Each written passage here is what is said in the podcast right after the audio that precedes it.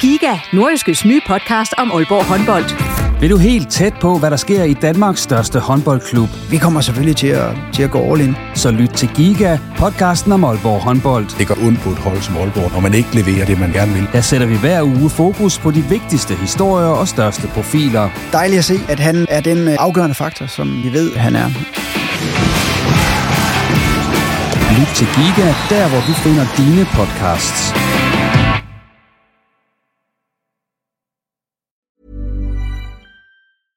Hiring for your small business? If you're not looking for professionals on LinkedIn, you're looking in the wrong place. That's like looking for your car keys in a fish tank. LinkedIn helps you hire professionals you can't find anywhere else, even those who aren't actively searching for a new job but might be open to the perfect role. In a given month, over 70% of LinkedIn users don't even visit other leading job sites. So start looking in the right place. With LinkedIn, you can hire professionals like a professional. Post your free job on linkedin.com slash people today. Mom deserves the best, and there's no better place to shop for Mother's Day than Whole Foods Market. They're your destination for unbeatable savings, from premium gifts to show-stopping flowers and irresistible desserts. Start by saving 33% with Prime on all body care and candles. Then get a 15-stem bunch of tulips for just $9.99 each with Prime. Round out Mom's menu with festive rosé, irresistible berry chantilly cake, and more special treats. Come celebrate Mother's Day at Whole Foods Market. Du lytter til en podcast fra Nordjyske.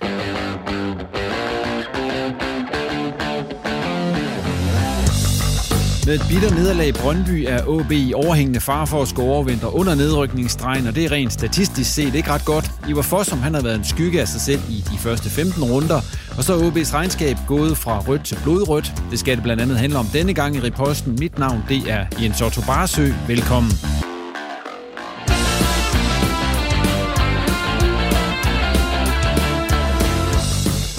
Og medvirkende denne gang er Claus Jensen, der er sportsredaktør hos det nordiske mediehus, Mads Justesen, der er tidligere professionel fodboldspiller, og så Jesper Simoni, der er OB-debattør.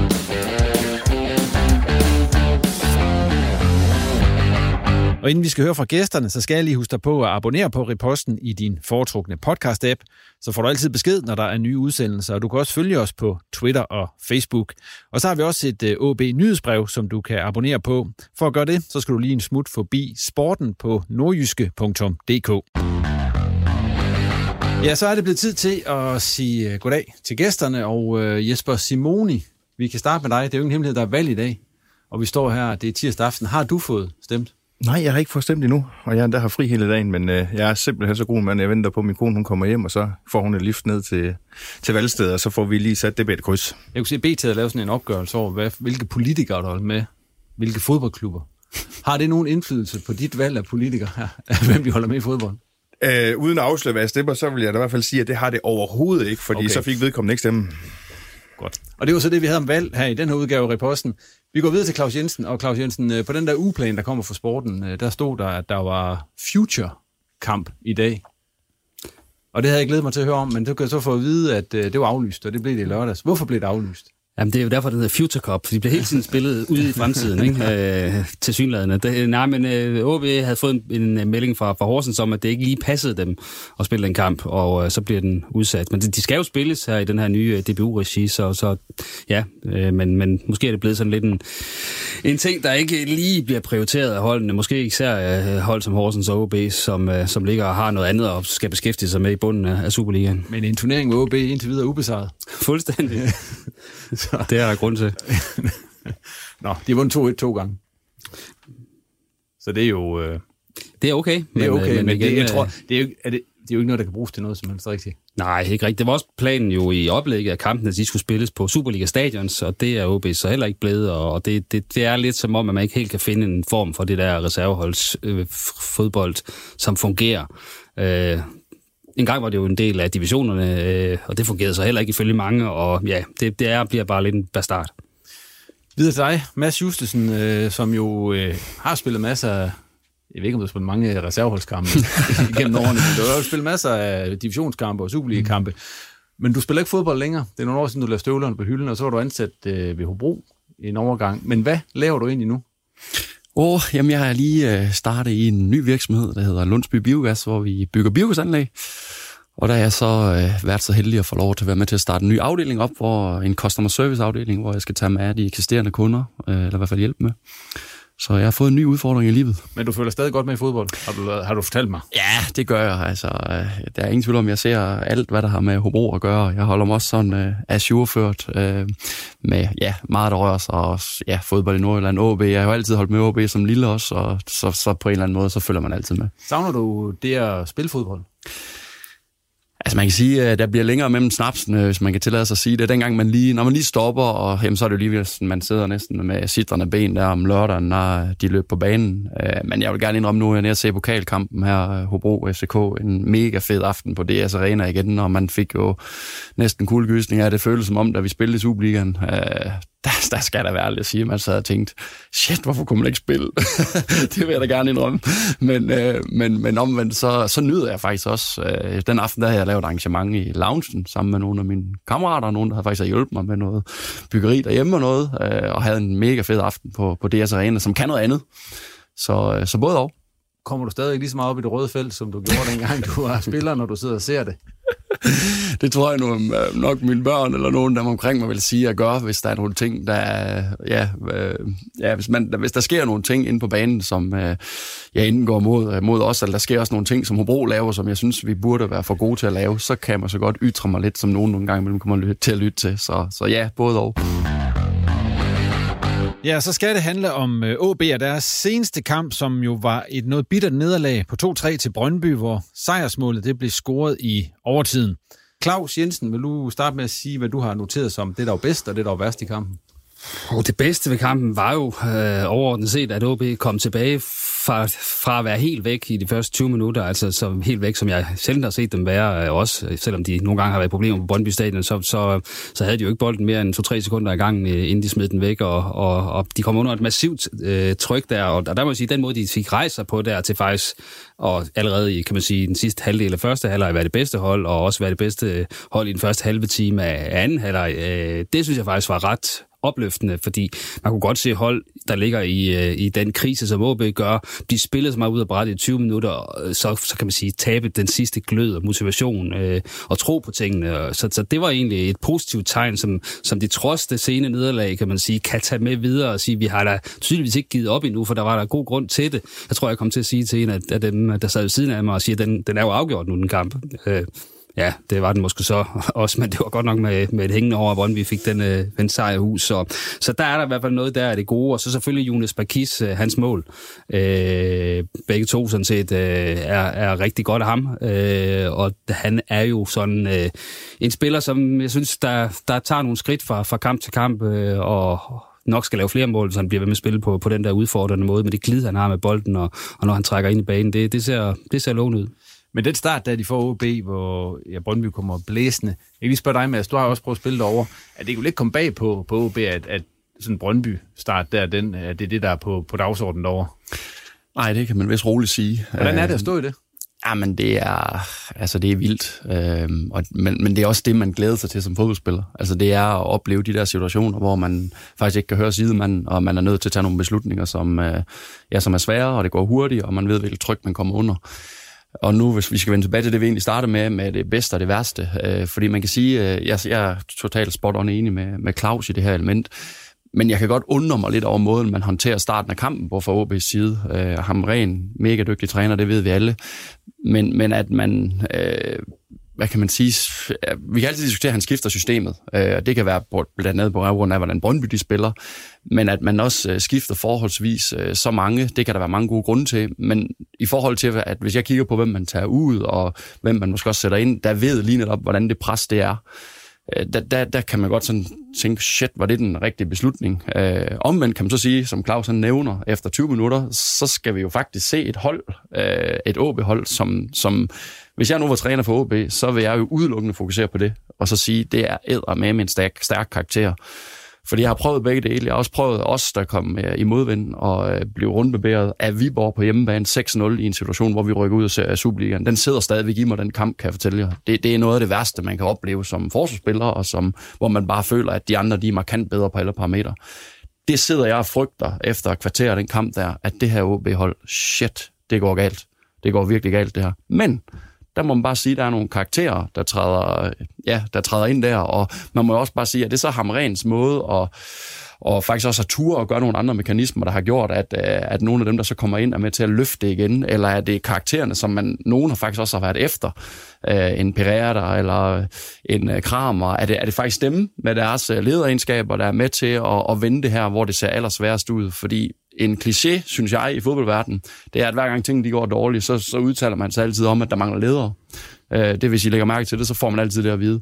Og jeg har selv fået det at vide også. Og når det går godt, så får man altid at vide, at det er fordi, der er mega mange gode ledere. Hvis du kigger på det åbehold der, så, så kan vi jo diskutere, er der nok ledere? Er det de rigtige ledere? Øhm, og er det den rigtige sammensætning af det?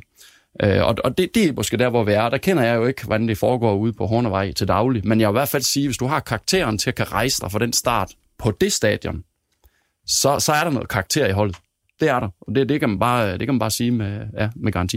Jeg kan lige spille over til dig, Jesper, fordi som Mads også ind på, det var jo en øh, noget overraskende startopstilling, der blev udtaget. Altså, som man siger, der var fire ændringer i startopstillingen, ny formation og så videre. Hvad gav det egentlig OB?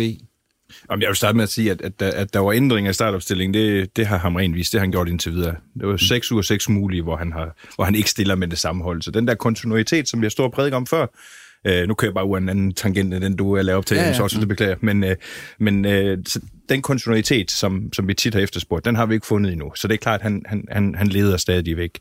Øh, om det er det rigtige at gå over til en trebakkæde, jeg er ikke taktisk stærk nok til at skal gå ind og, og, og vurdere det, så det skal jeg ikke udtale mig om andet end at historisk set, og når jeg mener historisk, så måske de sidste par sæsoner, kan vi se, at OB i deres bedste perioder har spillet med tre. Det kan nok være en anden sammensætning øh, af spillere dernede, men ud fra, fra det øh, kan man sige, at så er det måske meget klogt. Om det er noget, man skal gøre næste kamp mod Silkeborg, det skal jeg ikke kunne udtale mig om. Nej, altså det, der skulle tale imod det, det er jo selvfølgelig, at, øh, at det, det kræver, at øh, Yahya Nadrani, han skal spille, øh, som det er lige nu med den besætning, man har dernede. Og, og, og han var jo det svage led i den trebakkæde, øh, især i første halvleg selvfølgelig, hvor han, han godt nok øh, var, var sløj på bolden og, og impliceret i, i en af scoringerne, men også øh, var med til at med fejlpasninger og sætte nogle, nogle andre Brøndby-omstillinger i gang, som de så slap, slap levende fra OB. Så, så jeg vil sige, han spillede sig jo heldigvis op, kan man sige, set med, med OB-briller, øh, og, og kan han holde niveauet fra, fra kan man sige, den anden halvdel af kampen, så, så er det vel okay. Men ja, jeg tænker ikke nødvendigvis, at Hamren går hjem fra Brøndby Stadion og siger, der var den. Hvis jeg lige må lov at indskyde, øh, ud fra, at vi snakker om før det der med, øh, hvem der egentlig gjorde det bedste over, og nu er vi så tilbage til det der med snak trebakkæder, der har jeg faktisk, øh, hvis jeg lige kan skyde min ind der, det må du gerne. noteret mig, som jeg også så, at Claus og Thomas Jasper gjorde, noterede mig Andreas Poulsen på de bakker der. Dem tror jeg, de, altså, der så vi virkelig, der var noget, noget krudt i de bakker der, og det især med sådan en hvor de får mulighed for at spille noget wingback. Jeg synes også, Ludvig gjorde det øh, ganske udmærket. Også, jeg synes, han gjorde lidt bedre, ja, end, det, end, end Claus måske kom frem til ud, fra de, ud fra de to bolde. Jeg anerkender, at, øh, at det ikke var alle indlæg, der ramte, men øh, stati- hvis du går ind og læser statistik, så er det den kamp øh, i sæsonen, hvor OB de har ramt øh, flest medspillere på indlæg. Så et eller andet er der kommet. Så jeg kunne godt lide det udtryk, der kom fra bakkerne. Ja, den vil jeg gerne følge videre på, hvis man kan sige det, fordi noget af det nu øh, sidste uges ripost, hvor der var gæster inde, øh, jeg var meget enig i nogle af de analyser, de lavede i forhold til, hvordan sammensætningen på holdet var. Det, man kan sige, der skete til den her kamp, det er jo faktisk, du tager jo en decideret offensiv spiller ud og sætter en ekstra defensiv spiller ind for at styrke dit øh, fundament. Så kan man så diskutere, og det var det, jeg egentlig var inde på i starten, det var, at jamen, er det rigtigt at faktisk gå over til en trebakkæde? Og det, det kan sagtens være, at Hamren han har analyseret det meget bedre end alle os andre. Det skal jeg ikke komme klog på. Men det, det betyder, det er jo bare, så vælger du at spille mand-mand over for Brøndby's offensiv. Og hvis du kigger på Brøndbys offensiv, så var de jo i hvert fald i øh, de første 20 minutter overlegen i forhold til de tre stopper, som, som OB vælger at spille på. Men jeg er fuldstændig enig, fordi det er jo så det, vi igen tager, øh, hvis vi skal se, til de, tage de positive briller på, så synes jeg jo faktisk, at de to wingbacks er meget spændende øh, og, og faktisk leverer på et, et, et rigtig fint niveau. Og man må også sige, at han kommer faktisk til afslutningen, Andreas, på, hvad hedder han... Øh, Andreas Poulsen. Ja, Andreas Poulsen, ja. Øh, en, en spændende spiller. Øh, men igen, så kan man jo sige, som jeg var inde på i starten, øh, det holder så også nogle af de rutinerede spillere ud, øh, som måske øh, kunne have hjulpet i de første svære minutter. Man kan i hvert fald sige, at den her kamp viser i hvert fald, at hvis han vil spille sådan her fremover med decideret wingbacks, jamen så, øh, så gjorde de ikke noget for ligesom at, og, og ikke at få chancen igen, altså kontra når vi ser øh, Alman og Balsen spille, øh, spille på den position. Og til gengæld vil jeg så sige, at jamen, de har stadig svært ved at gøre sig gældende, synes jeg, på grund af deres manglende defensive kompetencer. Både, øh, kan man sige, Andreas Poulsen og Ludevig, hvis OB skal tilbage med at spille med en firebakkæde. Øh, så, så det er jo den her information, som de to i hvert fald helt sikkert vil forsøge at overbevise ham ren om, at det er vejen frem. Fordi der, der kom jo bare ganske enkelt mere offensivt i den her kamp fra, fra OB, end, end der har gjort meget længe, da, da de altså først lige finder sine fødder der efter 20 minutter. Øhm, jeg synes også egentlig, der er grund til at øh, rose Luka Prip for hans øh, indsats i den her kamp, fordi han har fået rigtig mange hug, og han har ved Gud ikke spillet mange gode kampe i, i den her sæson. Jeg tror ikke, vi har givet ham over middel den eneste gang i, i de kampe, han har fået. Men det fik han her, fordi jeg synes faktisk også, at han var en af dem, der tog ansvar, øh, da OB, kan man sige, er, er helt helt væk. Der, der er han faktisk i stand til at holde på bolden, og også øh, distribuere den godt, og være med til at skabe chancer med sin... Øh, han, han har for eksempel den lange øh, fremlægning øh, til øh, Andreas Poulsen, som er ved at skabe en, en mulighed, som, som Ramkilde så brænder, og efterfølgende er han også ham, der sætter, hvad hedder det, Bakis op til 1-0, eller det første OB-mål. Så der er også virkelig nogle ting i ham, som man må sige, at der er noget at bygge videre på. Der tog han rent faktisk noget ansvar. Men der er også noget at bygge videre på, når det kommer til hans afslutninger. For jeg er faktisk enig i, hvad kan man sige, assistspiller, man vil opbygningsspille med en Prips. Øh, og jeg har selv noteret ham øh, på min anden plads over positive ting, men har dog skrevet ned, at hans afslutninger, de var helt horrible. Altså det, han virker desperat, når han får bolden. Der skal bare klappes på mål, og man kan sige, det har man set før, både i OB og også i Horsens tiden, men der var trods alt et blik her. Det, jeg kan ikke rigtig genkende ham, øh, når han får bolden foran kassen. Der er stadigvæk ja, lidt at gå på. Altså det er, som om han ikke tror på det længere. Ja, hvor man kan det, sige, da det gik ja. godt, der, der sidder man, okay, nu bliver det farligt, fordi ja. altså, han har jo et fantastisk venstreben, og det, ja. det øh, men jeg har, aldrig, er væk. jeg har aldrig haft fornemmelsen af, at Luka Prip, han har været typen, der har lukket øjnene, når han har skudt. Han har, for mig har han altid været typen, der har været sådan opportunistisk, hvor man tænker, okay, så klapper han til en, og en gang imellem så lykkes det også, men nu der virker mest alt, som om han lukker øjnene, og det, det, det synes jeg ikke er et godt signal. Så lidt mere selvtillid på ham, og det kan jo være, at, øh, at det skal bygges op nedefra, som han så måske gør nu. Fordi det er klart, en spiller som Luka Prip i ja, bedre form, både fysisk, men også øh, sådan mentalt, øh, er jo, om ikke guld værd for OB, så i hvert fald en sæson ved Superligaen. Den her formationsændring fra Maren, vi har været inde på, det kostede jo så de to lidt rutinerede bakker pladsen. Og øh, en anden, der rød, det var Susa. Det var måske lidt overraskende OB's øh, topscorer før kampen. Nu var en del topscorer med Bakis. Og så også øh, anføreren Lukas Andersen var blevet øh, sat på bænken, efter mange havde øh, ja, råbt om det gennem et stykke tid. Skal, skal han med næste gang, Lukas? Eller skal han blive ude på bænken? Jamen altså, jeg synes jo ikke, at hans indhop var særlig godt for at sige det som det er, øh, da han kommer ind i Brøndby. Altså, der bærer han også en del af ansvaret, synes jeg, for at, at, at OB i de sidste sådan, 10 minutter plus overtiden øh, begynder at hænge i bremsen og, og lige pludselig begynder at give chancer væk. Øh, så, så nej, jeg synes ikke, der var noget i den her kamp, hverken i, i kan man sige, hvis du ser på dem, der starter i stedet for, hvordan de gør det, og også hvordan øh, Lukas så agerede, da han kom ind, der ligesom siger, at den skal han have tilbage. Det, det, det, det ligner en indhopper. Øh, og så måske ikke en indhopper, når man skal forsvare noget, men mere når man skal jagte noget. Hvis jeg må komme, knytte en kommentar, så, så vil jeg, altså jeg vil lige starte med at sige, at vi er alle sammen glade, da Lukas Andersen han kom hjem, og hvor har han da bare øh, tryllebundet os mange gange til de ting, han kan. Og vi håber jo alle sammen, at han kommer tilbage til det niveau, øh, som vi ved, han har. Men der er en ting, der alligevel lige slår mig lidt, og det er nogle af de udtalelser, han laver efter kampen. Øh, det her med, at, og det kan jeg egentlig godt lide i og med, at han er anfører, med at han går ind og siger, at der er ikke tid til at surmule, og der er ikke tid til alt muligt, og han skal egentlig bare bakke op. Det kan jeg på mange måder godt lide, og jeg ved også, hvad det betyder i en trup. Men jeg kan også godt ærge, jeg, jeg håber faktisk, hvis jeg skal være helt ærlig, at han sidder og er pissesug på bænken. Fordi hvis han ikke gør det, så, så kan jeg bedre forstå, at, han ikke, at, at, at, at vi mangler at se ham på det topniveau. Fordi det, i min verden, hvis, hvis han skal derop igen, det, det kræver virkelig agerighed, og det kræver, at man vil ja, går, ja, jeg ved ikke, hvad man skal sige, nærmest gør alt for at komme ind og spille igen. Og det, det kan godt gøre mig lidt utryg ved Lukas Andersen, i forhold til, at han egentlig udtaler, at det er lige før, han, han nærmest siger, at det gør ikke noget, jeg starter ud. Det synes jeg faktisk er lidt, lidt problematisk. Men, men jeg må jo sige, at, at øh, som jeg sagde før, at øh, jeg synes jo, han tager en offensiv spiller ud og sætter en ekstra defensiv øh, spiller ind, i hvert fald i tankegang. Det synes jeg er det rigtige at gøre på nuværende tidspunkt i OB i forhold til den situation, man er i. Man skal til at have nogle spillere ind, som, øh, som kan takle, og der blev jeg lidt glad for at se ham Bakis der i forhold til hans arbejdsindsats. Vi kan godt diskutere hans placeringsevne og hans, øh, hans øh, hvad kan man sige, øh, måde nogle gange at gå i pres på og alle de her ting, men hvis man sætter det rigtigt sammen, og du får nogen ind på banen, der kan hjælpe dem med at sige, hvornår han skal gå i det pres, så kan han sagtens blive en spiller, der kan, hvor du kan stadigvæk få den defensive struktur og komme til at spille til 0. Fordi hvis OB skal redde sig, så skal de til at spille til 0. Hvis jeg lige skal hoppe ind på den der med, med, med Lukas Andersen, jeg synes det, jo, det er en, det er jo en speciel case, fordi Lukas er jo Aalborg-dreng, altså OB-dreng, øhm, så han har selvfølgelig øh, lidt ekstra snor blandt fans og sådan noget. Men det er rent nok, som du siger, så, så der har været meget snak om, det der med at skal ud på bænken, og det er jeg også været fortaler for. Øh, nu siger Claus, at han ikke laver det bedste indhopper, det, det er svært at være uenig. Jeg tror så også, at lave en kold start han kommer ind, er det 10 minutter tilbage, øh, kvarter tilbage. Jeg tror sat, undskyld mit sprog, ikke det er nemt at komme ind i sådan en kamp, og så skal være ind og være, være afgørende. det er så, hvad det er. Der, hvor det også bekymrer mig lidt med Lukas Andersen, det er jo så lidt igen det der med, vi ved, hvad hans topniveau er. Jeg er ikke så nervøs for, om han kan finde topniveauet igen. Vi så, Baskem Kadri var ude med to korsmålsskader i, mm. i øh, Odense hele sidste sæson. Han væltede rundt. Altså, han ramte ikke noget som helst. Det gør han nu. Det tager lang tid at komme tilbage. Der hvor min bekymring med Lukas Andersen, det er det, er det der med, om altså, han, han får tilfreds, han der, kører det. Du ved, kone og to børn derhjemme, hjem til Aalborg, det er fantastisk det hele. Lukas Andersen, han skal kigge sig selv i spejlet hver eneste morgen, han møder op på Hornevej, og så skal han spørge sig selv om, hvad fanden laver jeg her?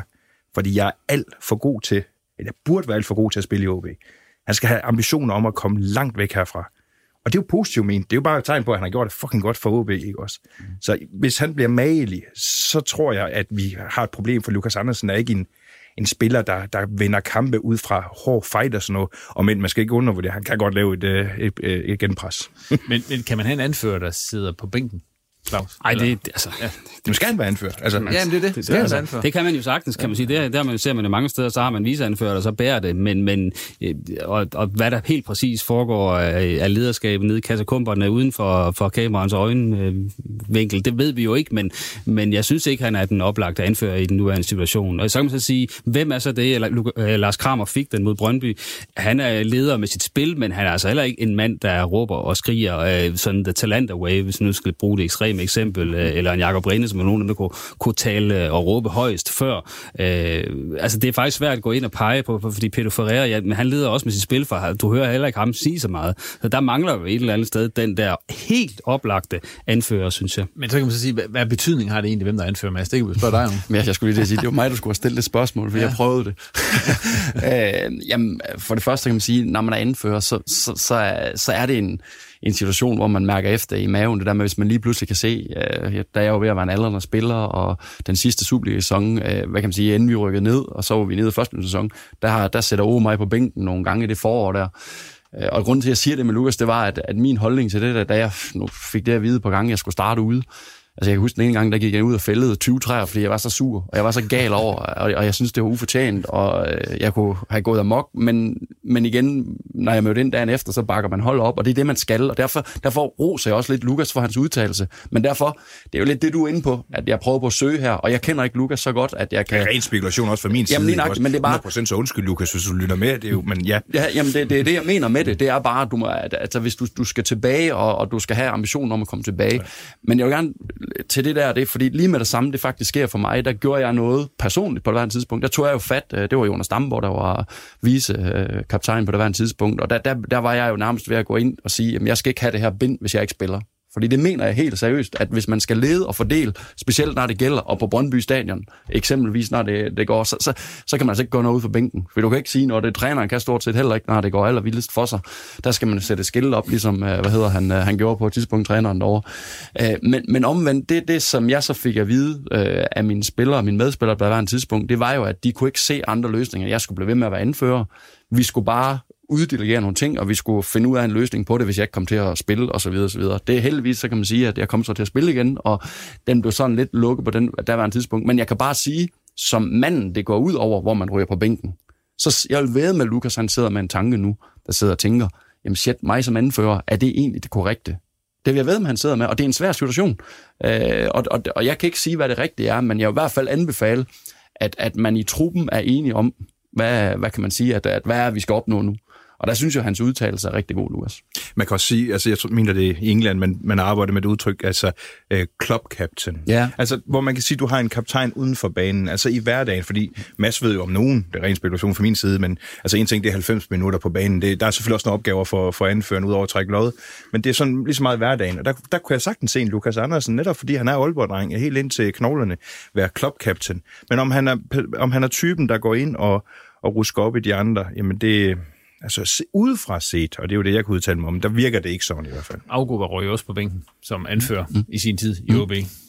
Ja, det er jo ikke ønskeligt. Altså, det er jo ikke sådan, at det der manuskript, man, man heller som cheftræner ønsker sig, at det skal være, fordi det skulle gerne være sådan, at anføreren spiller så fantastisk, at, at det overhovedet ikke er noget tema, og, og derfor vælger man som udgangspunkt også en, man, man synes skal spille fast, men altså, tiderne kan jo ændre sig, øh, og øh, det kan godt være, at vi overvurderer betydningen af, af, af den her anfører. Det er nok vigtigt trods alt, at der er nogen, der leder ind på det hold, der uanset om de har det, det bind eller ej, og det er jo så, der er vi tilbage ved det, den akillesæl, jeg ser ved det her OB-hold. Der er simpelthen for få, der råber og skriger og sparker en ned, hvis, øh, hvis der skal ruskes op i et eller andet. Altså, den der, det, der jeg er fuldstændig enig. Øh, der, hvor at man kan sige, at min situation kommer her, altså der henter vi en Rasmus Miner og en Javar Mankva. Øh, vi har Jonas Damborg. Og det vil sige, at, at typen og hvad kan man sige, den måde, man kommunikationsmæssigt miner, var jo et rigtig, rigtig dygtig til det. Og det kan man sige, den del af spillet, øh, kom du sådan set ikke til at mangle ved, at du satte mig ud på det tidspunkt. Øh, så, så, så jeg er fuldstændig på linje med dig, at, at kan du sætte elementerne ind, du skal bruge i forhold til at tage beslutningerne, i forhold til, hvad der skal ske, hvornår du skal gå i pres, om du skal til højre og venstre, hvem der styrer alle de her ting, så ser jeg heller ikke i udgangspunktet noget problem i det. Men jeg vil sige, take for os her, det er vel, at det vi egentlig skal håbe på, det er, at Lukas han kommer tilbage til hans rigtige forfatning, fordi så skal det anføre bare blive ved med at sidde ja. på ham. Udfordringen ligger jo i, hvis han ikke finder det niveau, så på et tidspunkt, så vil man jo begynde at stille sig selv det spørgsmål, at jamen, Øhm, er det så det rigtige? En anden spiller, som måske ikke har ramt det niveau, som man kunne have håbet på i den her sæson indtil videre, det er Ivar Fossum. Hvis man ser på hans to foregående sæsoner, så har han leveret 17 mål og 8 assist i de to sæsoner. I den her sæson, der står han efter 15 kampe noteret for 0 mål og 0 assist. Til gengæld sådan den, der har løbet næstflest meter af alle i hele Superligaen. Bliver han brugt forkert, Ivar Fossum? Som det er lige nu? Claus han så Jamen, og, ja, ja, ja, ja, jeg, jeg, jeg synes jo, at han er blevet prøvet på forskellige positioner, også øh, i den her sæson, øh, altså, både centralt og på siden. Øh. Vi, vi kan lige, vi, jeg kan lige tilføje lidt mere statistik taget fra Superliga.dk. Han har, han har haft, øh, han har stået bag 10 chancer og haft 10 afslutninger. I den seneste sæson, i 30 kampe, havde han 37 afslutninger og skabt 41 chancer. Men det er jo også en del af, at, at hvis vi ser på OB's tal generelt, så er de jo også frygtelig dårlige i den her sæson, ja. i sammenligning med sidste sæson, og så rammer det selvfølgelig også ham. Han har jo så den afslutning i Randers, der, der, der vil være 3 mm øh, fra at ryge ind, øh, så, så han har selvfølgelig heller ikke mag- mag- haft marginalerne med sig. Mads, han regner løs, skal jeg sige. Jamen, jeg, nu, nu skulle jeg lige høre den der statistik, fordi var det ikke på sæson, og så målt ud for, hvor vi er i sæsonen i dag? Jo, han har, men der er også det jo... 37 afslutninger i 30 kampe, ja. og skabt 41 chancer. Ja. I den der han spillet 10 eller 15 kampe nu, og han har stået bag 10 chancer. Okay. Ja, okay. Og har haft 10 afslutninger. Ja, ja, ja. Så det er voldsomt. Det er voldsomt. Men, men jeg, altså, hvis man lige skal tage udgangspunkt i det, altså, det, der, det er der, hvor at, at uh, fodboldklubber, fodboldspillere, at der altid er uh, flere ting, uh, flere for, forklaringsfaktorer, der spiller ind. Ivar Forsum har gjort det uh, hammergodt for OB. Det, det kan vi alle sammen blive enige om her. Og jeg kunne forestille mig, at han har haft en agenda om, at han måske også kunne have set sig selv andre steder. Og, øh, og hvad der end er sket i transfervinduet, eller om der har været noget, og det, må jeg indrømme, det, har jeg ikke, det er jeg ikke opdateret på, men jeg sidder bare og tænker på mange af de situationer, jeg har oplevet med mine holdkammerater, og jeg ved bare, hvad betydning det, have, det kan have på en spiller og vedkommendes mentalitet, hvis man har været i nogle situationer, der kan være, der er blevet lovet et eller andet, og det kan også være, at der er et eller andet andre omstændigheder, der gør, at det ikke lige er lykkedes i forhold til, hvad man egentlig har aftalt. Og så nogle ting, at øh, tager du bare 5, 7, 8 procent af en spillers engagement, jamen det betyder bare så meget, fordi, og der, og der kan vi vende ind i alle mulige uh, snakke og sammenhæng, jamen så er forskellen bare ikke større. Det er det samme som når vi sidder og snakker om, hvorfor pokaloverraskelser de foregår. Hvorfor kan OB ikke uh, sønder smadre et uh, anden divisionshold eller tredje divisionshold her for nogle uger siden? Jamen går du bare de der procenter ned, så er forskellen bare ikke større. Og, og de har deres livskamp, og OB gider ikke spille kampen. Altså, det, der er bare nogle forklaringer, hvor man kan sige, og jeg kender ikke baggrunden for Ivar Fossum, men man må bare sige, han har ikke præsteret på det niveau, og det kan overraske os helt vildt. Om det er det, der ligger til grund, eller at øh, det er jo ikke, udgangspunktet er jo ikke, at han ikke gider. Du siger jo selv, at han, har, han har løbet flest meter. Ja, næst Men er det de rigtige meter? Igen? Ja, og så, det, så, det, ja. så, så, så tager han lige op for, for, for det, Mads siger, fordi det er, jo, det er en god pointe. Det kan godt være, at det kun er 6, 7, 8 procent, der går fra ham. Hvis det er de 6, 7, 8 procent i forhold til, hvornår han kommer med ind i feltet, hvis vi laver dem om til meter, mangler han de der, så de afslutninger, han har, er det de rigtige steder på banen? Han kommer ikke med i feltet. Men giver ham mulighederne for det? Ja, det er så spørgsmålet ja. jo. Men, men man kan jo sige, der er jo ikke nogen, der står fysisk og holder manden tilbage. Så, så jeg er da med på, at, at om han har, om han kommer ind fra fløjene, eller han kommer fra en 8'er-position, eller sågar en 10'er-position, som vi også har prøvet ham på. Altså, det er jo ikke forbudt at tage nogle af de der progressive løb der, og det synes jeg simpelthen, jeg mangler. Der er ekstremt meget sidelæns løb i ham. Øh, det skal også til, men vi har bare set Ivar Fossum på, på sit top. Han, han kommer altså i feltet, og det gør du ikke. Jeg kan ikke huske, når jeg sidst har set ham i feltet. Nej, så synes jeg, at hans løb var timet væsentligt bedre Ja, ja, før, nok, fordi ja. det er klart, at han er, han er en langsom spiller, og det, men det kan man kompensere for, hvis man løber på de rigtige tidspunkter, og på den rigtige, kan man sige, de rigtige retninger, kan man sige. Ja, og, bare og se det gør han Morten, ikke. Morten Duncan, ikke? Altså, nu ham snakker vi om lidt, inden vi begynder at optage. Ja, ja. Altså, han stod de rigtige steder. Der er heller ikke meget løb i ham, men altså, har du næsen for, hvor placerer dig, ikke? Men, Ja, og så, så og det er netop det, han, at, at han tegnet sin løb forkert, og det betyder nogle gange, at, at han tager nogle træk, hvor vi siger, jamen, kære ven, at du, du er jo så langsom, så lige nu der kommer der bare en spiller og overhaler dig, hvis du tager det træk der. Det ser man for mange gange, og man så også øh, i Brøndby-kampen, at han, han, han, altså, hans selvtillid, den er, den er skrøbelig, for han smed også utrolig mange bolde væk. Igen var han jo så også en af dem, der rent faktisk øh, løftede sit niveau okay, øh, som kampen skred frem, men, men han, han skal jo være, være kan man sige, point og assistgivende på den der position, ellers så giver det jo ikke meget mening. Så, så hans øh, position hænger jo også i en tynd tråd, også i forhold til, hvis OB skal øh, har noget at gøre med i et kommende vindue, øh, for, for i hvert fald at hente noget ind, der kan konkurrere på den position. Fordi, og så kan man sige, jamen, kan man så sælge i Bafos? Jamen, det kan man jo ikke. Altså, på den præstation, han har leveret i den her sæson, så er der ikke nogen, der vil have ham. Det må jeg også bare sige, i hvert fald ikke sådan på, på det niveau, han selv drømmer om. En af dem, som jeg så, du har skrevet om, måske kunne komme tilbage til OB i det her transfer, det er ikke midtbanespil, det er til gengæld en forsvarsspiller. Talander var meldt tilbage, altså hvad er, hvad er chancen for, at, øh, eller hvad vurderer du muligheden for, at det, at det, at det kan ske?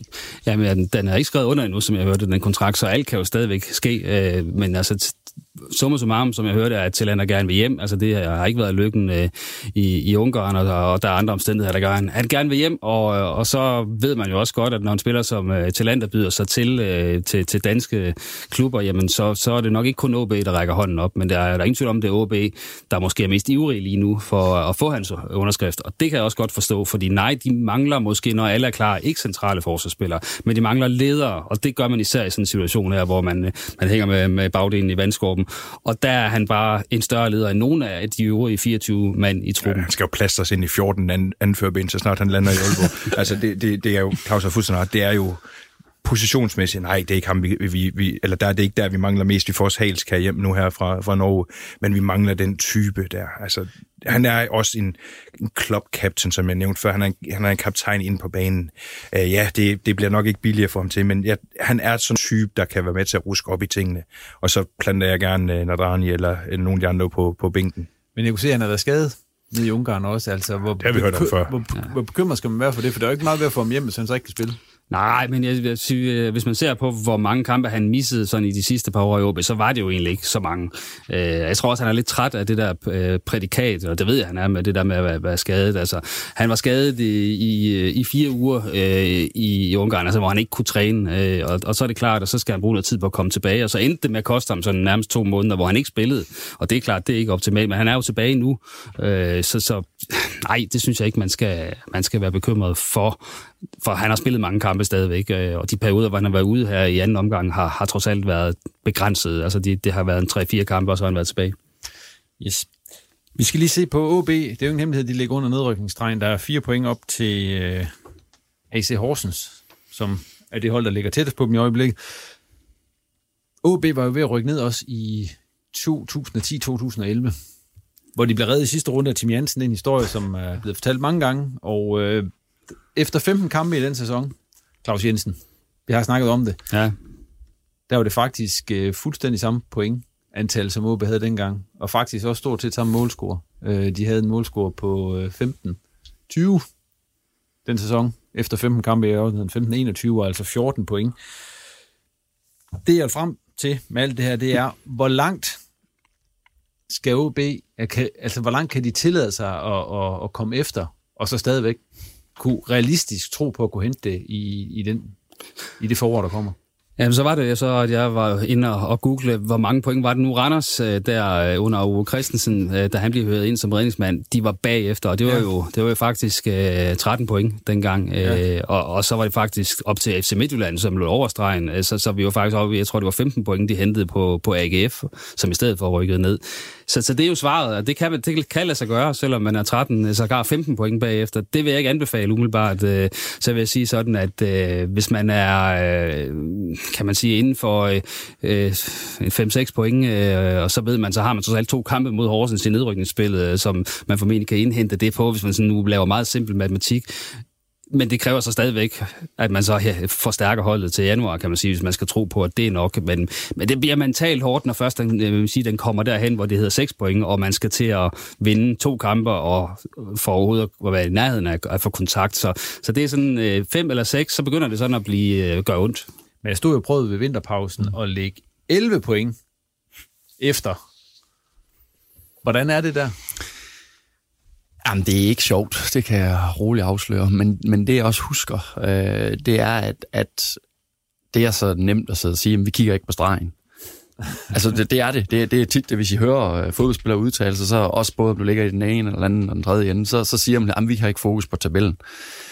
Øh, jeg vil sige, det er rigtigt, men det er jo også løgn. Alle kigger på tabellen, og det skal vi ikke sige. Men, men det, jeg vil sige, det jeg synes, øh, som vi har gjort godt nogle gange øh, tidligere, det er det der med at altså, forsøge, og hvad er det, vi skal fokusere på? Hvad er det, man skal forsøge at bygge op i holdet? Og nu kan man sige, når nu kommer der en vinterpause, Erik Hermann er kommet ind, man har valgt den træner, man mener, der skal løse udfordringen.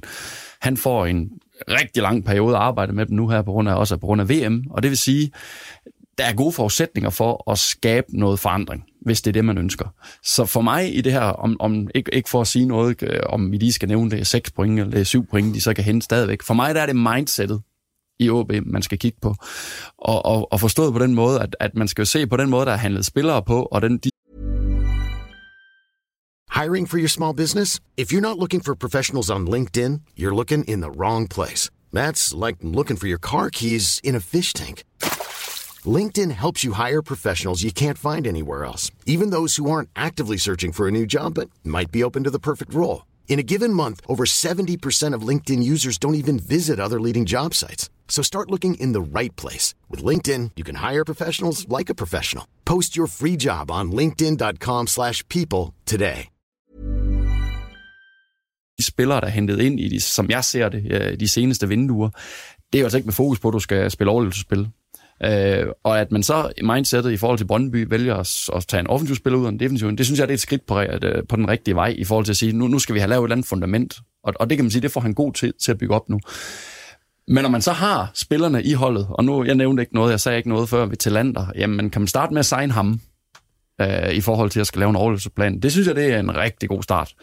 Men der er en anden ting, jeg vil tage fat i faktisk først, og det var blandt andet noget, I også har talt om her i reposten tidligere. Det er, som når man ligger i den situation, så bliver du tit mødt af tilskuere og folk omkring dig. Jamen, gider I ikke at spille? I ligner nogen, der ikke gider at spille. Prøv nu lige at tage jer sammen. Altså, hvad fanden er der sker? I kan sgu lige så godt uh, ligge hjemme på sofaen, hvis I ikke gider at løbe derud. Der var der en statistik, som jeg tror faktisk, du nævnte, øh, en Otto, for, jeg kan ikke huske, om det var sidste repost, hvor man egentlig fandt ud af, at OB det er det hold, der løber mest. Så kan vi diskutere igen, som I foreslog i før, om det er, fordi man løber forkert. Men det, jeg bare vil sige med det, det er, at det er jo ikke, det er jo ikke manglen på vilje til at ville det, når nu man er det hold, der løber mest. Det, man skal have sat sammen, det er, at man løber rigtigt. Og der kan man sige, hvis man tror på det, Erik Hamren, der har løsningen til, hvordan vi skal til at løbe sammen. Fordi det er mindsetet, hvordan skal vi løse opgaven taktisk. Nu prøver han noget nyt over i Brøndby. Delvis lykkedes det på vingbaksen. Trebakkæden kan vi diskutere, men det er også svært, når de andre spiller med tre. Øhm, er det den rigtige information? Det ved jeg ikke, men han får i hvert fald noget tid til at løse det. Så mit svar på det, øh, for lige at vende tilbage til det, det er bare, at for mig der er det mere, at hvis du, hvad, hvad er det, vi vælger at fokusere på? Vi skal have en struktur, vi skal have et mindset. Hvordan kommer vi til at vinde fodboldkampe? Kommer du først til at vinde fodboldkampe i den tætte Superliga, så kan du også godt komme til at vinde mange, og så er det jo lidt ligegyldigt om 3, 4, 5, 6 eller 7 point så kører spillet. Der kan du jo bare kigge til Odense lige nu. Mm. Altså, de startede jo også sæsonen mildest talt øh, sløjt. Og jeg synes ikke, at OB øh, er et bedre hold end OB på ret mange parametre. Der er noget lidt med, måske med noget offensiv del, men ellers så synes jeg ikke, at OB er et bedre hold end OB. Men de har fundet den der winning streak lige nu. De har fået noget kontinuitet ind. Øh, og der kan man bare se, at de vælter i point efter transfervinduet. De er, det, det er lukket. Så kan OB komme ind i sådan en steam der. Jamen altså, men, så det, ja. Men hvad taler for, at de kan komme det? Skal, skal du lige have en top 3? Ja. Vi kører lige en hurtig top 3. Ja. Godt. 1. Vi er bedre end Lyngby. 2. Vi er bedre end Horsens. Nu siger jeg godt nok top 3. Så jeg, har, jeg, har, jeg har en 3. Jo, jeg har noteret ned. Jeg er så træt af Brøndby. Og det er ikke noget med en top 3 at gøre. Det, er bare, det skulle jeg simpelthen bare lige ud med. Jeg er virkelig træt af dem. Nej, jeg vil faktisk også godt sige, Brøndby i, øh, i bund 6 sammen med OB, det er heller ikke, øh, det er heller ikke helt skidt. Vi har faktisk statistisk set et okay tab på nu går, nu går du ud fra, at OB de ender i uh, nedrykningsspillet. altså, jeg vi, tror, ikke vi, tror ikke på den ja. vi tror ikke på, at den steam den kommer inden... Nej, altså jeg tror på... Øh, øh, nu snakkede Mads lige før om, om nogle af de der parametre for, hvad, hvad OB også kunne gøre. Nu noterede jeg mig her for et stykke tid siden. Det kan være derhen, altså, men der var OB det hold i Superliga med næst færrest advarsler. Nu ved jeg godt, man kan ikke gøre attitude op på advarsler nødvendigvis og spillestil og sådan noget, men der er sgu lidt i det der med, nu skal vi ind og hænge op i os selv, og vi ligger næst sidst. Så, så du ved, det kan da godt være, at de er dygtigere til at ikke at få de advarsler, men jeg synes, der er lidt om, kom nu ind og klap til for helvede, altså. Men, der, men i den her Ja, nye, undskyld. undskyld, men i den her nye struktur, efter den så, altså der var jo, den har været de sidste to sæsoner her, der er det faktisk de to hold, der ligger under nedrykningstegn ved Mm. pausen, der er rykket ned begge gange. Altså sidste sæson var det Vejle og Sønderjyske, og sæsonen før var det så Randers, eller Horsens og Lyngby, mm. som så var håbløs øh, langt bagefter. Oh, men, men OB er jo, altså, uden at være for meget jubeloptimister, så jeg synes, vi er niveauer bedre end det der, du nævner, der er rykket ned i de andre år. Der er mere struktur, der er mere at trække på. Øh, og man kan sige, som nu snakker om tidligere, hvordan OB de lå der tilbage i 11 og sådan noget, men altså, vi kommer til at skal møde Lyngby to gange, vi kommer til at skal møde Horsens to gange, vi kommer til at skal møde øh, måske ja, AGF to gange, det ikke under, øh, og, og, og Brøndby og sådan noget. Jeg kan se masser af steder, OB de kan, de kan få point. Strukturen er jo en ven, kan man sige, for dem i den her situation. det- det også en synes større jeg. ven end, Ja. end, end sidste gang, de var i Ja, det problemer, synes fordi jeg. man altså i princippet, øh, kan man sige, spiller en rigtig mange sekspointskampe, så hvis man ellers sørger for at vinde nogle af dem, så, så kan man, øh, så kan man virkelig flytte sig i tabellen. Altså, der, der, jeg vil godt lige sige, at jamen, jeg er både enig, men den, lige den der, den er, der er jeg sgu også lidt, altså, jeg ser ikke... Jeg skal også være uenig. Jeg får nogle gange kritik for, når jeg er jamen, en, I er ja. for enige, siger de jamen, så. det, det er sgu bare, Ja, ja, bare det der med at sidde og sige, at jamen, vi er bedre end Horsens. Jeg er bare nødt til at sige igen, mindset, hvis, hvis OB de går ind til et mindset på, at uh, de ikke føler endnu, at de, det, det, det synes jeg nu, at det, er ikke- det er ikke det, jeg siger. Men Horsens, de har blandt andet en træner, der har været i, i samme situation mange gange, og de har et hold, der er castet til at ligge der. Altså, hvis man ikke tager det seriøst, og man bare regner med, at man tager til Horsens, så får tre point, det, det, de dage, de i min verden bare væk. Ej, altså, nu- og, og jeg vil også sige, at Lyngby, nu ligger de kun med fire to point. gange, og de men, har men jeg ved, hvad der er noget statistik, du kan finde. Ja. Jeg, har ikke, jeg, har ikke selv, jeg er ikke så god til alt det der statistikværk, men, men jeg vil våge den at du kan finde statistikker, der bliver vist et eller andet med, at Lyngby de burde ligge med flere point, end de faktisk gør. Fordi der har jeg også lige set nogle af de kampe, og der, det, der er bare nogle, nogle små kvalitetsmæssige ting. Uh, nu følger jeg med med første division. Ham med angriberen, de hentede ned i Nykøbing over i Lyngby, uh, Mathias, Mathias. Mathias et eller andet. Altså, han har haft de, havde han haft de samme muligheder i første division sidste år, hvor at han er måske lige trådt op på en scene og sådan noget, så havde Lyngby måske lagt helt anderledes og tættere på. Så det er heller ikke bare at vinde over Lyngby. Men, men det er ikke, fordi jeg, ikke, at, at jeg ikke mener, at der er kvalitet i OB's trup. Jeg, jeg, jeg frygter mere, øh, nu, jeg, det, jeg troede, du var du sagde med top 3, du ville nævne der med klubber. Det jeg egentlig håber, du har sagt, det var, at nummer et, det var, at vi henter talenter. Nu siger vi, OB henter talenter. To, du har en eller anden uh, central midtbanespiller. Og så tre, det er, at vi uh, går over til at spille en fast struktur, og nu skal vi til at måske uh, indse, hvor vi er hen.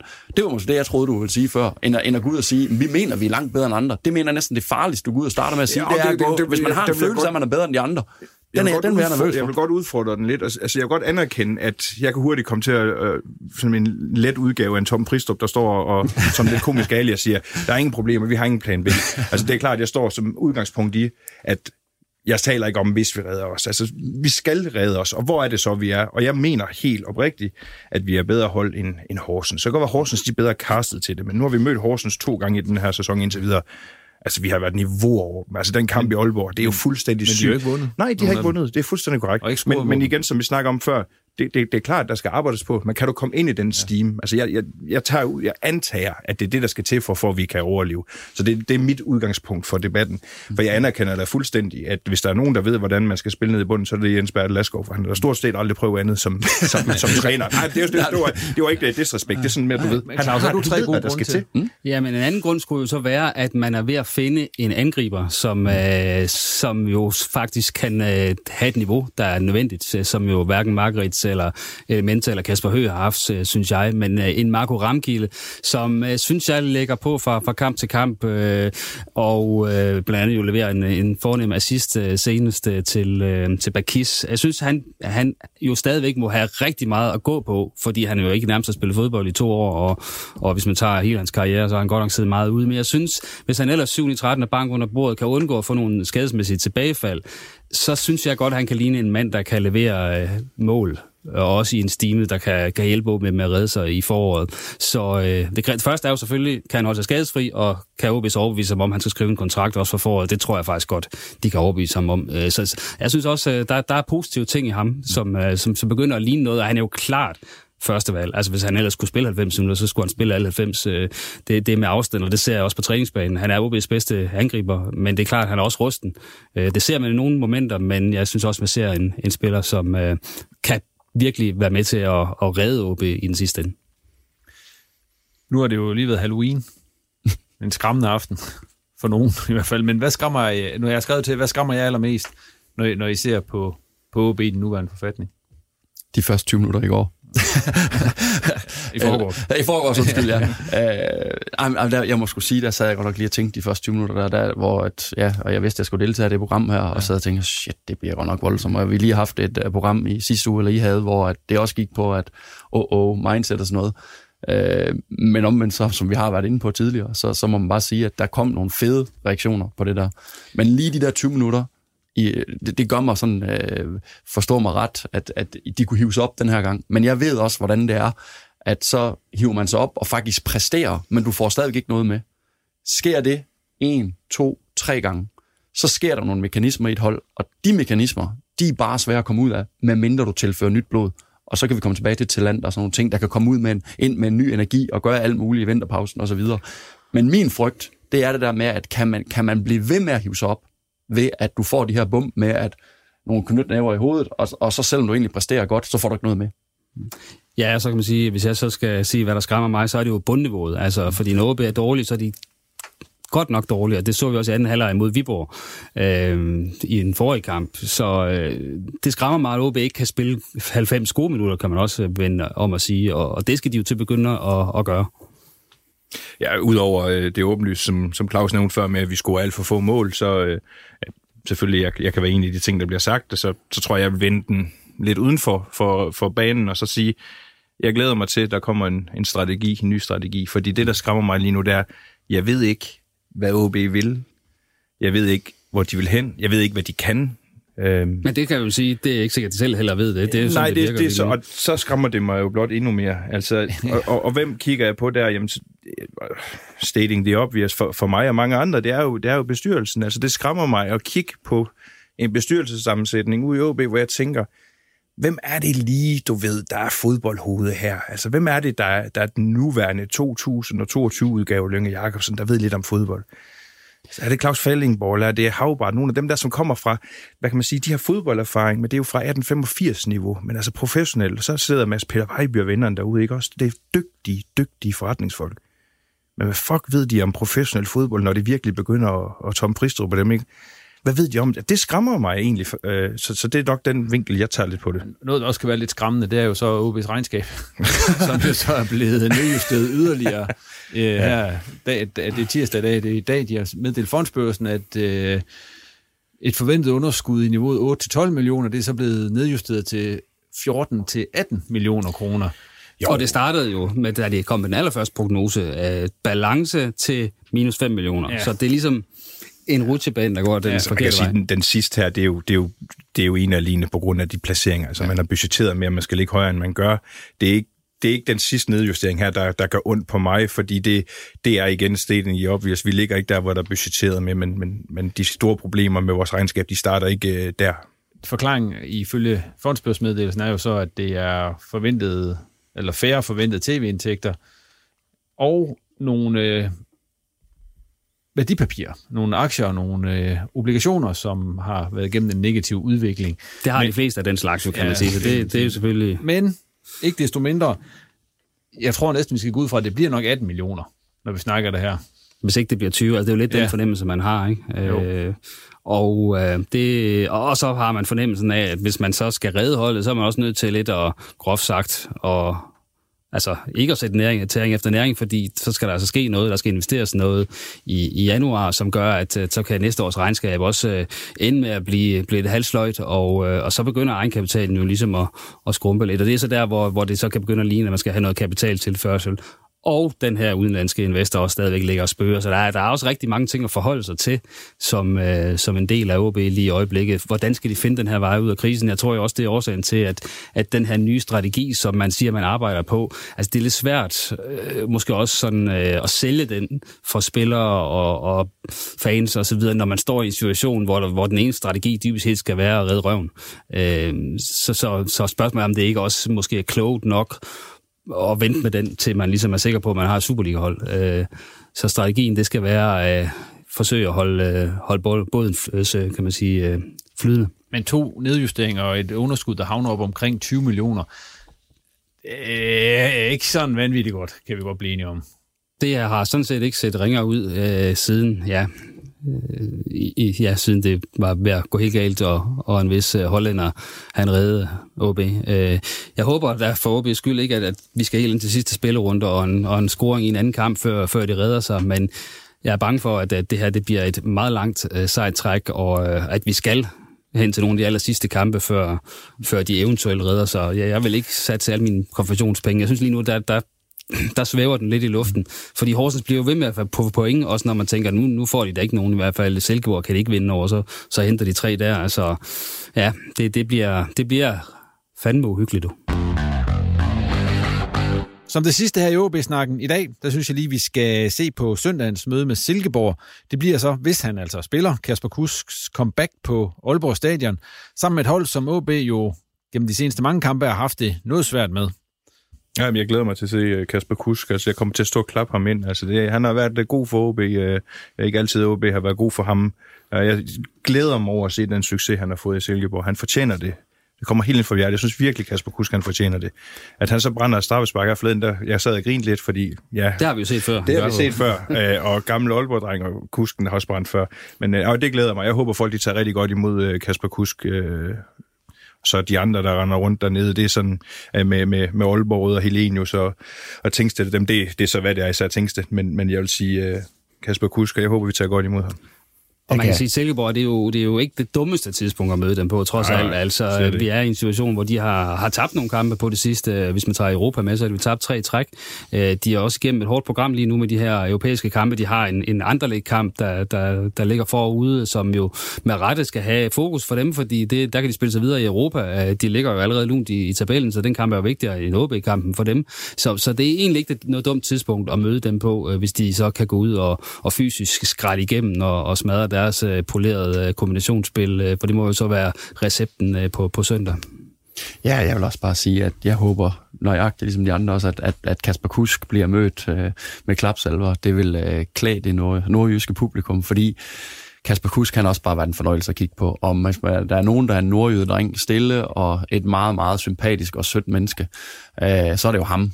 Og, og, og vi kan jo godt diskutere, hvorfor han ikke er i OB mere, og, og hvad der er sket, og alt det her, men, men et eller andet sted, vi kan også bare tillade os at nyde, at han får øh, nogle år nu forhåbentlig i Silkeborg, hvor han får lov til at vise, hvor dygtig en fodboldspiller han er, fordi han er æder med med præsteret. Ja, der går ikke noget også for at kende, at, det, at han gør godt, selvom han spiller for, for modstanderhold. Altså, det er jo vilkårene. Han scorer nok også på søndag. Ja, ja. Altså, det er jo, du ved, Helenius også, og Tingsted kommer ind, og Nikolaj Larsen går med op, når de fører 5-0 og hætter ind til 6-0, fordi det ser bedre end 5-0. Og, jamen, vi ved, hvordan det kommer til at gå, øh, så, og hvis det så ikke kommer til at gå sådan, jamen, så bliver vi positivt overrasket. Er ikke der, vi Jo, så spiller jeg lige en skiller der, og så er vi enige om det. og øh, så skal vi lige snakke om Hobro også. Nu når vi har fået selskab af et, et, en ekspert på området her. Claus Jensen, ja.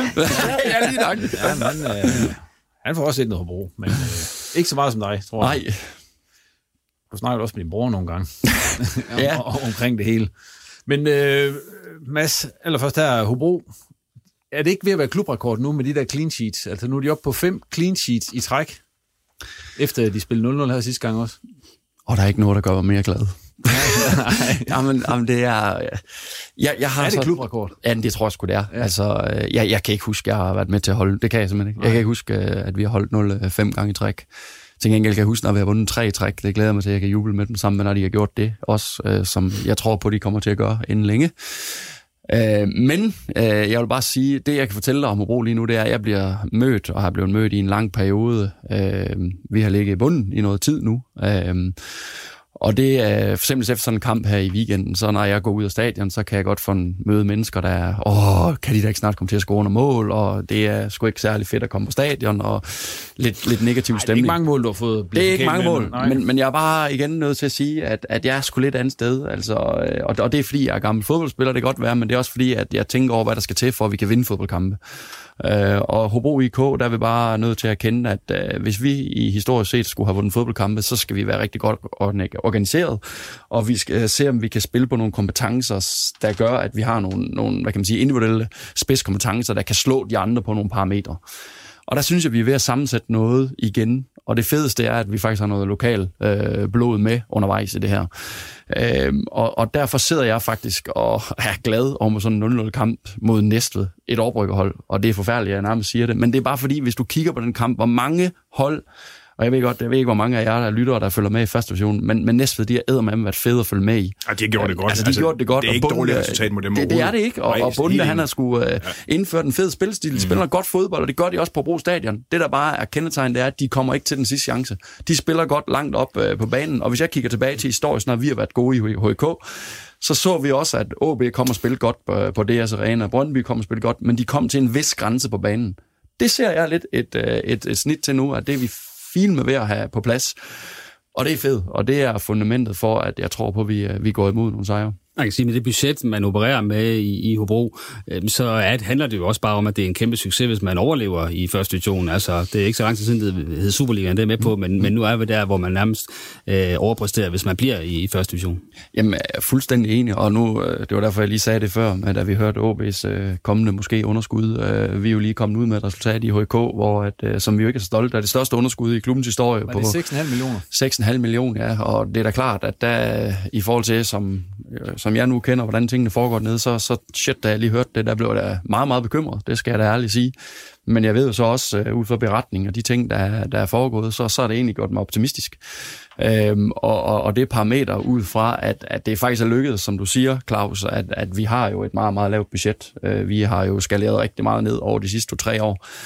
Øhm, Og skal endnu længere ned, Og, og, ja, ja, alt andet lige, men lad os nu se. Øhm, fordi det, jeg synes er interessant, det er, at, at, de, at, at grunden til, at beløbet ender jo der, hvor det er nu, det er jo, fordi man har taget nogle beslutninger tidligere, blandt andet, da vi røg ud og sige, jamen, øh, det- kunne vi lave samme nummer, som vi gjorde, da vi var nede i Superligaen første gang, hvor vi egentlig kommer hurtigt tilbage. Og det vil sige, at de øh, såkaldte faldskærmspenge blev brugt på en måde, hvor man kan sige, at de blev både brugt til, øh, de var faktisk brugt inden, at vi nærmest kom i første division, i forhold til at få se, om vi kunne overleve Superligaen, dengang vi var der. Og det er jo ikke det, der er meningen, fællesskabspenge skal bruges til. Og så, så kan man sige, så kommer alt det her coronaværk, og jeg ved ikke, hvor meget I... Er, altså, der, der har været nogle udfordringer, som er svære. Det er ikke for at, at, at sige, at den, for at frasige sig, hvad kan man sige, bestyrelsen, den nuværende bestyrelse, at, at de sidder uden skyld eller noget som helst. Men man er bare nødt til at sætte tingene lidt i perspektiv. Det vil jo sige, at de er opereret i en tid, hvor at det eneste, der har været øh, punktet for dem, det har været at skære ned. Og, og alle, der kender til økonomi, det er kraftigt med noget sjovere at bruge penge, end at tage penge fra folk. Øh, så det vil sige, at der er jo rigtig mange samtaler, der handler om, hvordan man får spare penge. Men der synes jeg bare, at den måde, man har håndteret det på, det er at være der og se, om man kunne bygge en strategi op med og, og begynde at bruge nogle unge spillere og poste nogle penge ind i talentsektoren, som rigtig mange har været imod. Det, det må jeg bare sige, eller imod, jeg ved ikke, om man kan sige, at det har været imod, men i hvert fald nogen, der også har i tale sæt det, at, at de synes ikke, det er den rigtige strategi. Og Og jeg, I ikke troede på strategien. Jamen lige nøjagtigt. Altså, men, men jeg vil også bare men sige, at, at, at jeg har da også været skeptisk. Og, og, og jeg er heller ikke sikker på, at det er udelukkende den strategi, der skal bruges, fordi Opland og OB stjæler, Randers tager og alt det her. Men i og med, at, at, at det, det er grunden til, at jeg siger det, det er, fordi jeg tror på, at den måde, vi bygger noget op i HK og i Hobro, det er, at der skal vi være lokalt forankret. Og den måde, vi får det lokale erhvervsliv og det slige med til at bakke op om det her, så skal vi se, om vi kan få nogle lokale drenge med. Og jeg er sådan set ligeglad med, om det er en MB-historie, der har været i Randers og uddannet sig nogle år, som kommer tilbage, og vi kan sælge igen, som vi kan lave en lille forretning på. Om det er den måde, vi gør det på. Men problemet er bare, hvis vores ungdomsafdeling overhovedet ikke fungerer, og vi ikke kan levere nogle unge spillere, som bliver interessante for OB og Randers, når de nu når den alder, hvor de så kan dygtiggøre sig. Det, det er også et problem, hvis man overhovedet ikke har nogen ungdomsafdelinger, der, der ligesom, øh, hvad kan man sige, arbejder med talenter helt nede fra uge 10, 12, 13, 14, 15, så de kan blive hentet. Så kan vi få dem tilbage, hvis de mislykkes, og det er vi jo et utallige øh, eksempler på, historisk set, at det er den måde, man har kørt en model. Og det er det, jeg synes, der er spændende ved det, de gør nu. Men kan den model holde til, at, eller holder den til, at Hobro på sigt også kan blive blandt de 24 bedste klubber i Det landet. er det, man forsøger i OB lige nu. Der tager man jo fra de rige spor og rester af ungdomsspillere på Ja. U17 og U19-niveau. Altså, så, så, som Mads han siger, hvis man vil hente fra Randers og OB, nogle af de spillere, U19-spillere, der måske ikke lige slår igennem øh, i de klubber øh, og får kontrakt. Altså, jeg, jeg synes, det virker, det virker da meget fornuftigt. Ja. Jamen, jamen jeg, jeg, jeg, jeg, vil være der, jeg er nødt til at være der et svar skyldigt, men, men omvendt så er jeg nødt til at se, hvad, hvad er der grobund for, og hvad, hvad, hvad skal man, hvilken strategi skal man lægge? Og, og nu har vi lige har diskuteret strategi ved OB, og jeg, der følger OB allermest, har svært ved at se strategien. Noget af det, jeg godt kan lide ved Hobro lige nu, det er, at vi har meldt ud, hvad strategien er. Og, og det giver nogle bump på vejen, og det har også gjort, at vi har ligget i bunden i noget tid, og det gjorde vi også sidste sæson. Men trods alt, så, har, så er der bare ved at være nogle, nogle ting, øh, hvor, at, som jeg sagde før, i sidste sæson og forrige sæson, jamen, der var måske én lokal spiller, vi sådan var ved omkring holdet, og hvad kan man sige, for egen talentsektor. Nu er der altså 5, 6, 7 stykker, som jeg begynder at tælle, som faktisk har været en del af Hobro IK's ungdom. Om det er nok til at bære det, det, det, det, det er jeg faktisk i tvivl om, og, og jeg er heller ikke sikker på, det, er, at det er nok, men, men bare i min verden, at de er der. Fordi så skal vi være dygtige nok til at finde dem, som, som vi taler om, øh, overskudslag og øh, nogle andre steder, som måske er en tand bedre af vores egen. Og så skal vi forhåbentlig vores egen udvikle sammen med dem, fordi det bliver et højere niveau til sammen. Og det kræver, at man er mega hammerende dygtig til at lave sit research-arbejde, og man er god til at hente de rigtige type spillere. Og det er svært, og det er svært vindue efter vindue, men det er jo ikke anderledes end alle andre klubber, ud fra de andre budgetter. Der skal man jo også finde kvaliteten til de penge, man har. Så, så, så det handler jo bare om at sige, at vi skal være dygtige til at finde de spillere ud fra den kvalitetsparameter, vi kan lede i. Og du kan spørge FC København, der har Danmarks største spillerbudget, om det er nemt at skal, skal bruge 3, 4, 5 millioner euro hver gang. Mm. Det er ikke en stensikker. Altså, man, man handler ud for de penge, man har, mm. ud for de forudsætninger, man har. Og hvor, hvor Hobros uh, ungdomsarbejde, hvor var det hen for 10 år siden ja. kontra nu? Altså, jeg er fuldstændig enig med Mads. Jeg synes, det er imponerende, at, at man får bygget noget op for bunden, som man mm. med alle aspekt godt kan sige, er bygget op for bunden, i hvert fald hvis vi snakker elitefodbold i Danmark. Ikke? Ja. Øh, Altså, jeg, jeg synes, det er fedt. Jamen, det, det, er dejligt, det er dejligt at høre også, at, men, men der, jeg kan selvfølgelig godt være bekymret. Det, det skal jeg ærligt sige, fordi hvad, hvad vil en... Nu kan vi se Esbjerg, der ryger ud, og, og, og, og den første division er jo lige så tæt. Altså Hillerød slår øh, Sønderjyske i Sønderjyske i forrige runde. Altså, jeg, skal da ikke sige, at vi ikke kan ind i en situation, og, og der, der, er, der kan min bekymring godt være, kan vi kapere den situation? Fordi man kan sige, sådan en klub som Esbjerg, jamen, de, så vidt jeg har hørt, de kører bare videre med, med setup'et. Der vil vi jo skulle tilpasse os også, fordi vi kan ikke bare komme og så sige, at vi henter øh, et eller andet antal millioner et eller andet sted fra. Sådan fungerer verden jo ikke i Hobro. Men vi skal jo tro på, at vi er dygtige nok til at, at, at, at blive i første division på den lange bane. Men det er jo svært at se andre strategier end den her, når der ikke er flere penge. Øh, Så jeg kan også være i tvivl om, det, det holder øh, sådan øh, 3-4 sæsoner frem. Altså, at man, så er jeg bange for, at man ryger ned i anden division. Øh, Men det er ikke rigtigt sådan, altså mindre man finder en rig onkel i Amerika, så er det svært at, at se, hvad man ellers skal gøre. Man har jo en rig onkel. Ja, det, han bor så øh, i Hobro, øh, eller i hvert fald tæt på, og, og det er jo også øh, Svend Ståhl, der er jo også en af dem, der er inde og, og, og kan man sige, bidrage til den her kapitalindsprøjtning på, var det 12 millioner, øh, som, som jo gør, at man kan køre videre. Men det er klart, at kommer man ned i anden division, så har man en ny situation, hvor der er, er, man går fra nogle tv-penge trods alt til nærmest ingen. Og det er vel nærmest lige så dyrt at spille i anden division nu om dagen. Altså, det er jo... I, i, ja, i princippet, hvis du, hvis du vælger at køre videre med setup'et. Og der kan man sige, noget af det, som vi måske også lavede fejl i HK sidst, det var jo, at, øh, at var man forberedt på at rykke ud dengang i forhold til at nedskrive kontrakter til det niveau, man nu spiller på. Der handler det om, at man er forberedt den her gang, hvis det skulle kunne ske på den lange bane, at man faktisk indstiller sin økonomi efter at sige, at hvis det værste tænkelige skulle ske, jamen så, så har man i hvert fald forberedt den case. Hvis vi skal tage snakken øh, omkring, øh, nu, nu nævner I øh, Svend som den rige onkel, nu har jeg jo kendt Svend i mange år på, på godt og ondt, og, og, jeg, og vi var ikke, øh, hvor vi var uden Svend, øh, og det kan jeg sige om mange personligheder i HK, øh, gennem tiderne, Bøj Larsen og så videre, I kender dem. Øh, men men det, det, det, man bare skal forstå ved Svend, det er jo, at, at i sådan en situation, som vi har været lige nu, det er jo ikke sådan, at Svend han bare kommer med et åbent tjekhæfte. Altså Svend er jo typen, der, der siger, ved I hvad, jeg har en portion penge til jer, men jeg har dem kun, hvis I går ud og finder det samme antal vi andre, der vil være med. Det vil sige, at han sørger for at få nogle øh, HK til at arbejde for sagen, og nogle andre til også at være med til at bidrage, så det bliver den her øh, forhåbentlig bredere lokale forankring.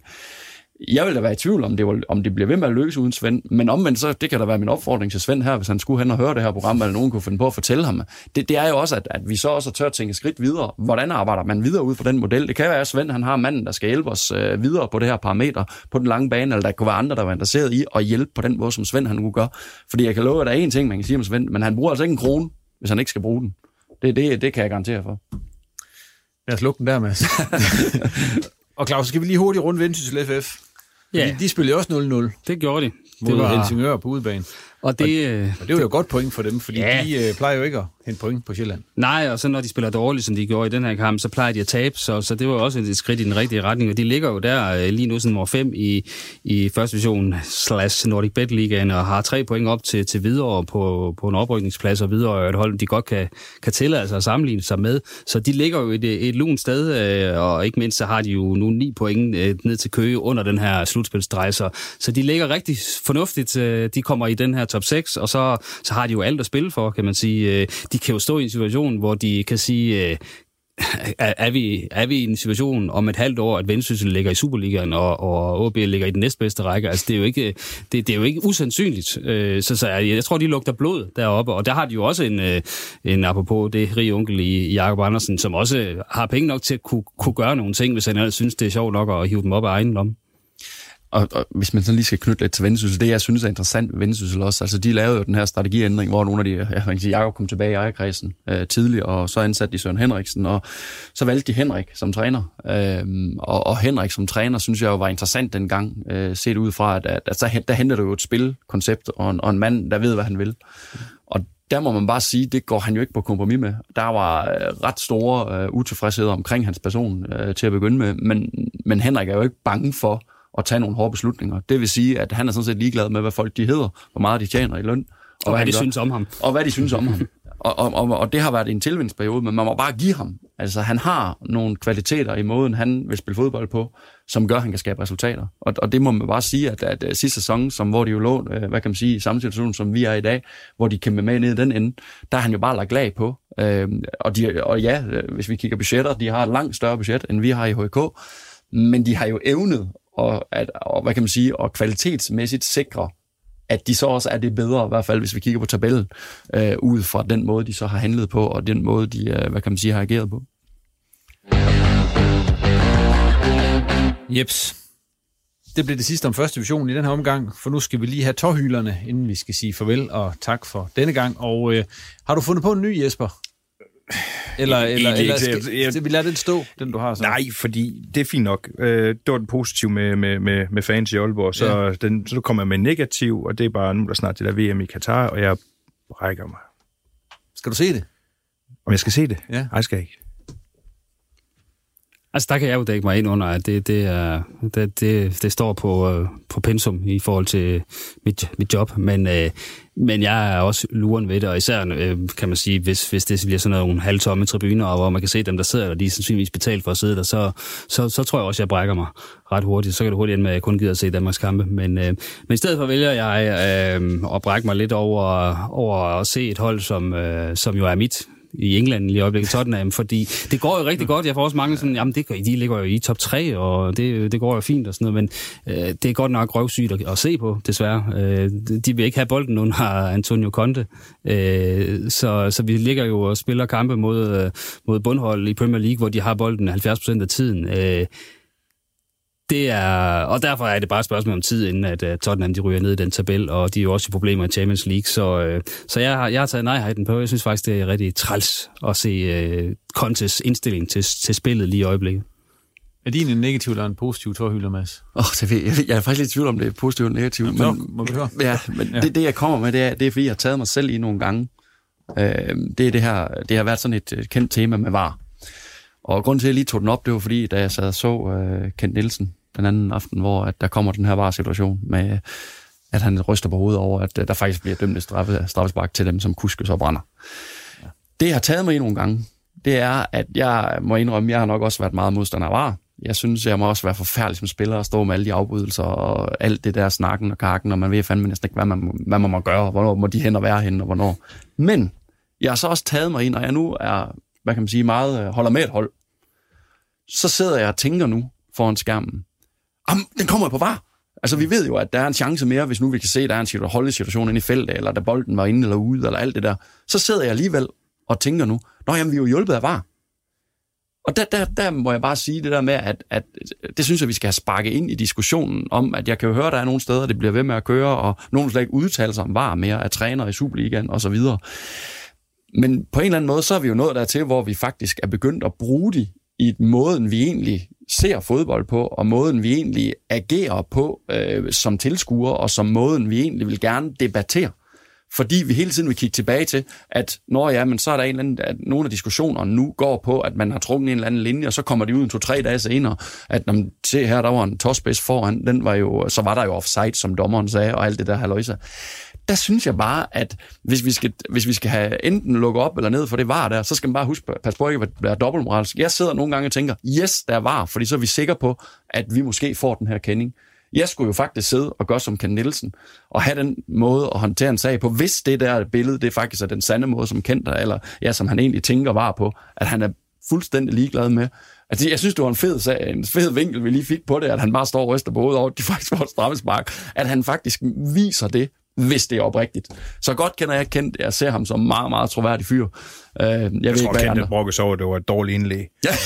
så jeg kender ham. Ej, det er en god pointe, Mads. Ja, men, men jeg ved ikke, hvad I andre har holdning til det, men jeg har i hvert fald taget mig selv i det der er rigtig mange gode ting ved VAR, som, øh, som vi glemmer, kan man sige, i mm. de her situationer, hvor at, øh, at VAR får skæld ud. Øh, så, så jeg synes jo, altså jeg har jo, tror jeg, plæderet for VAR i, i mange år, og nu kommer det, og det, det får skæld ud, og, og der er nogle ting, der skal finjusteres, og hvornår der er hands og ikke er hands, men jeg synes stadigvæk, vi har fået færre fejlkendelser overall i en kamp.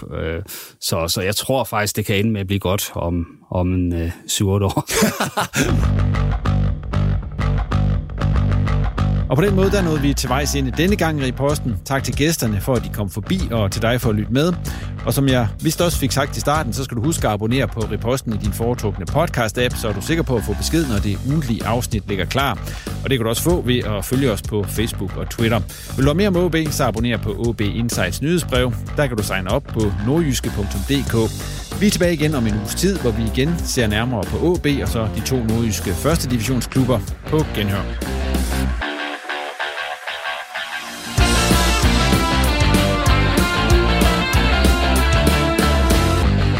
Har lyttet til en podcast fra Nordjyske. Want flexibility? Take yoga. Want flexibility with your health insurance? Check out United Healthcare Insurance Plans. Underwritten by Golden Rule Insurance Company, they offer flexible, budget friendly medical, dental, and vision coverage that may be right for you. More at uh1.com. Mom deserves the best, and there's no better place to shop for Mother's Day than Whole Foods Market. They're your destination for unbeatable savings, from premium gifts to show-stopping flowers and irresistible desserts. Start by saving 33% with Prime on all body care and candles. Then get a 15-stem bunch of tulips for just $9.99 each with Prime. Round out Mom's menu with festive rosé, irresistible berry chantilly cake, and more special treats. Come celebrate Mother's Day at Whole Foods Market.